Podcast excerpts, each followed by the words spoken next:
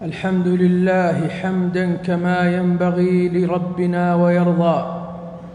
وأشهد أن لا إله إلا الله وحده لا شريك له. العلي الأعلى وأشهد أن نبينا محمدا عبده ورسوله النبي المصطفى والرسول المجتبى. اللهم صل وسلم وبارك عليه وعلى آله وأصحابه الأصفياء. يا أيها الذين آمنوا اتقوا الله وقولوا قولا سديدا يصلح لكم أعمالكم ويغفر لكم ذنوبكم ومن يطع الله ورسوله فقد فاز فوزا عظيما. أيها المسلمون إن الإسلام منظومة كبرى تشمل أحكامه ما يكفل سعادة البشرية وصلاحها.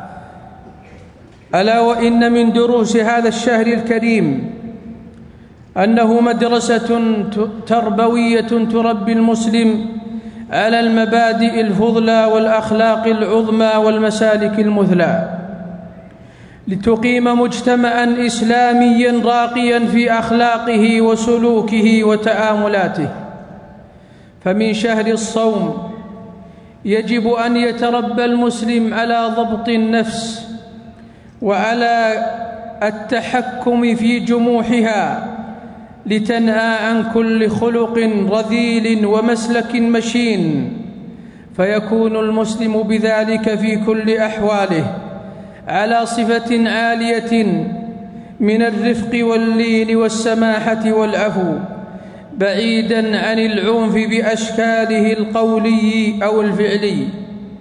مجانبا الفحشاء بمختلف صوره مهما كانت الدوافع ومهما تعددت أساليب الاستفزاز له.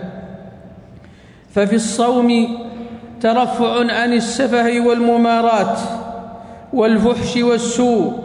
قال صلى الله عليه وسلم فإذا كان يوم صوم أحدكم فلا يرفث ولا يسخب فإن شاتمه أحد أو قاتله فليقل إني صائم متفق عليه. كيف لا يكون الصوم مدرسة تربوية تعلم أبناء المجتمع المسلم السلوك الأفضل والخلق الأمثل بشتى اصوره ومختلف أشكاله؟ والله جل وعلا قد بين لنا أن المقصد الأعظم من الصوم هو تحقيق التقوى. يا أيها الذين آمنوا كتب عليكم الصيام كما كتب على الذين من قبلكم لعلكم تتقون. إنها التقوى التي من أبرز عناصرها وأمثل مضامينها. العيش مع الناس بكل فعل جميل وقول حسن ومظهر طيب.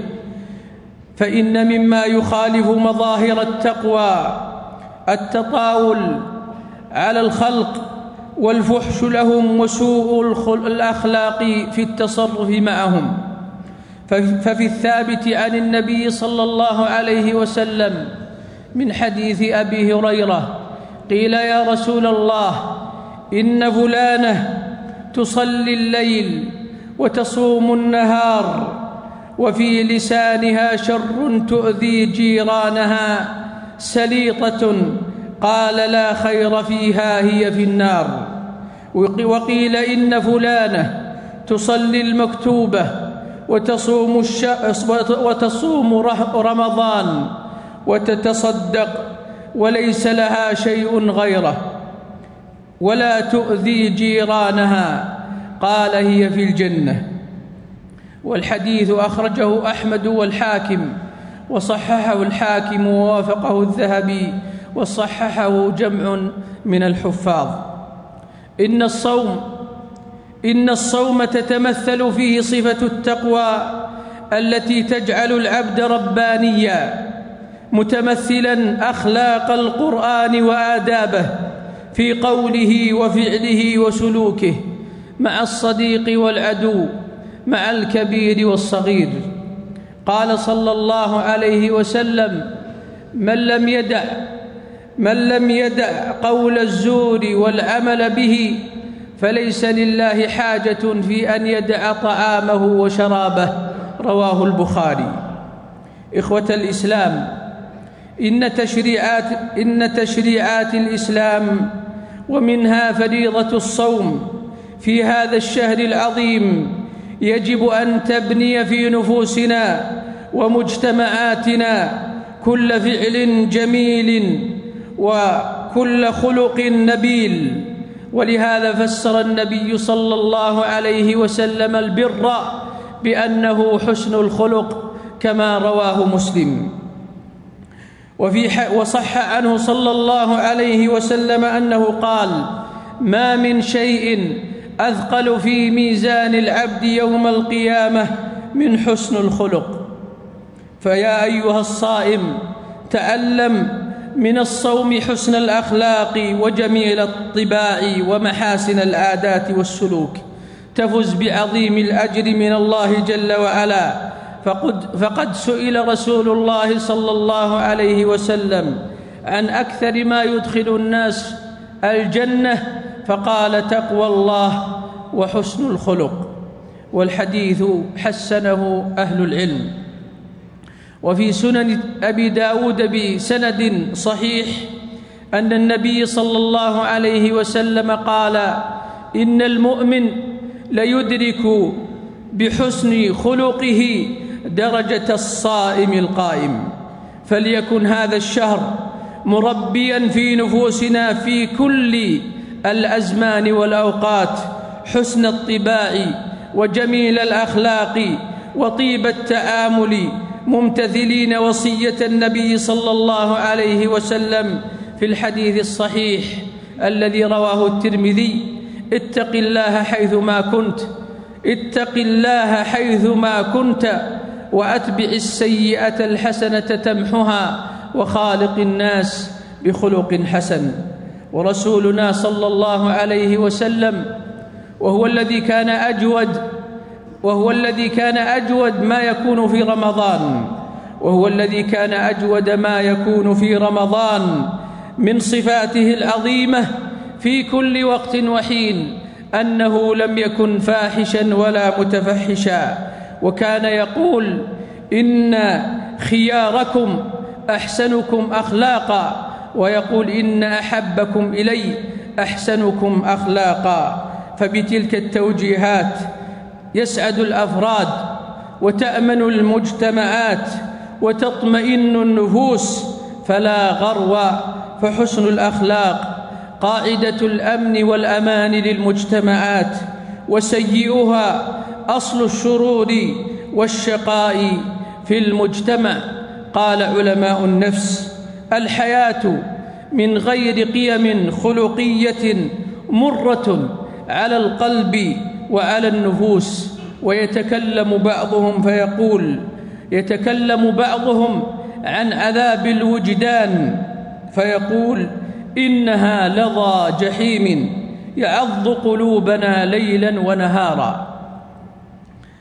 ويرجع بعضهم هذا العذاب النفسي الذي هو أشد من العذاب الحسي فيقول كل مرض نفسي يحصل لأفراد المجتمع فإن وراءه نقص خلقي.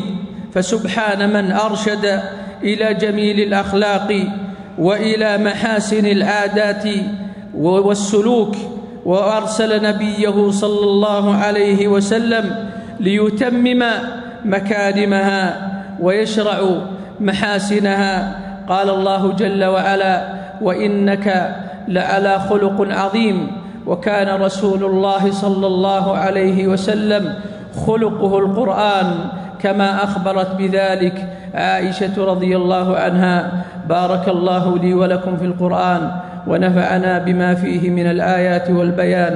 أقول هذا القول وأستغفر الله لي ولكم ولسائر المسلمين من كل ذنب فاستغفروه إنه هو الغفور الرحيم.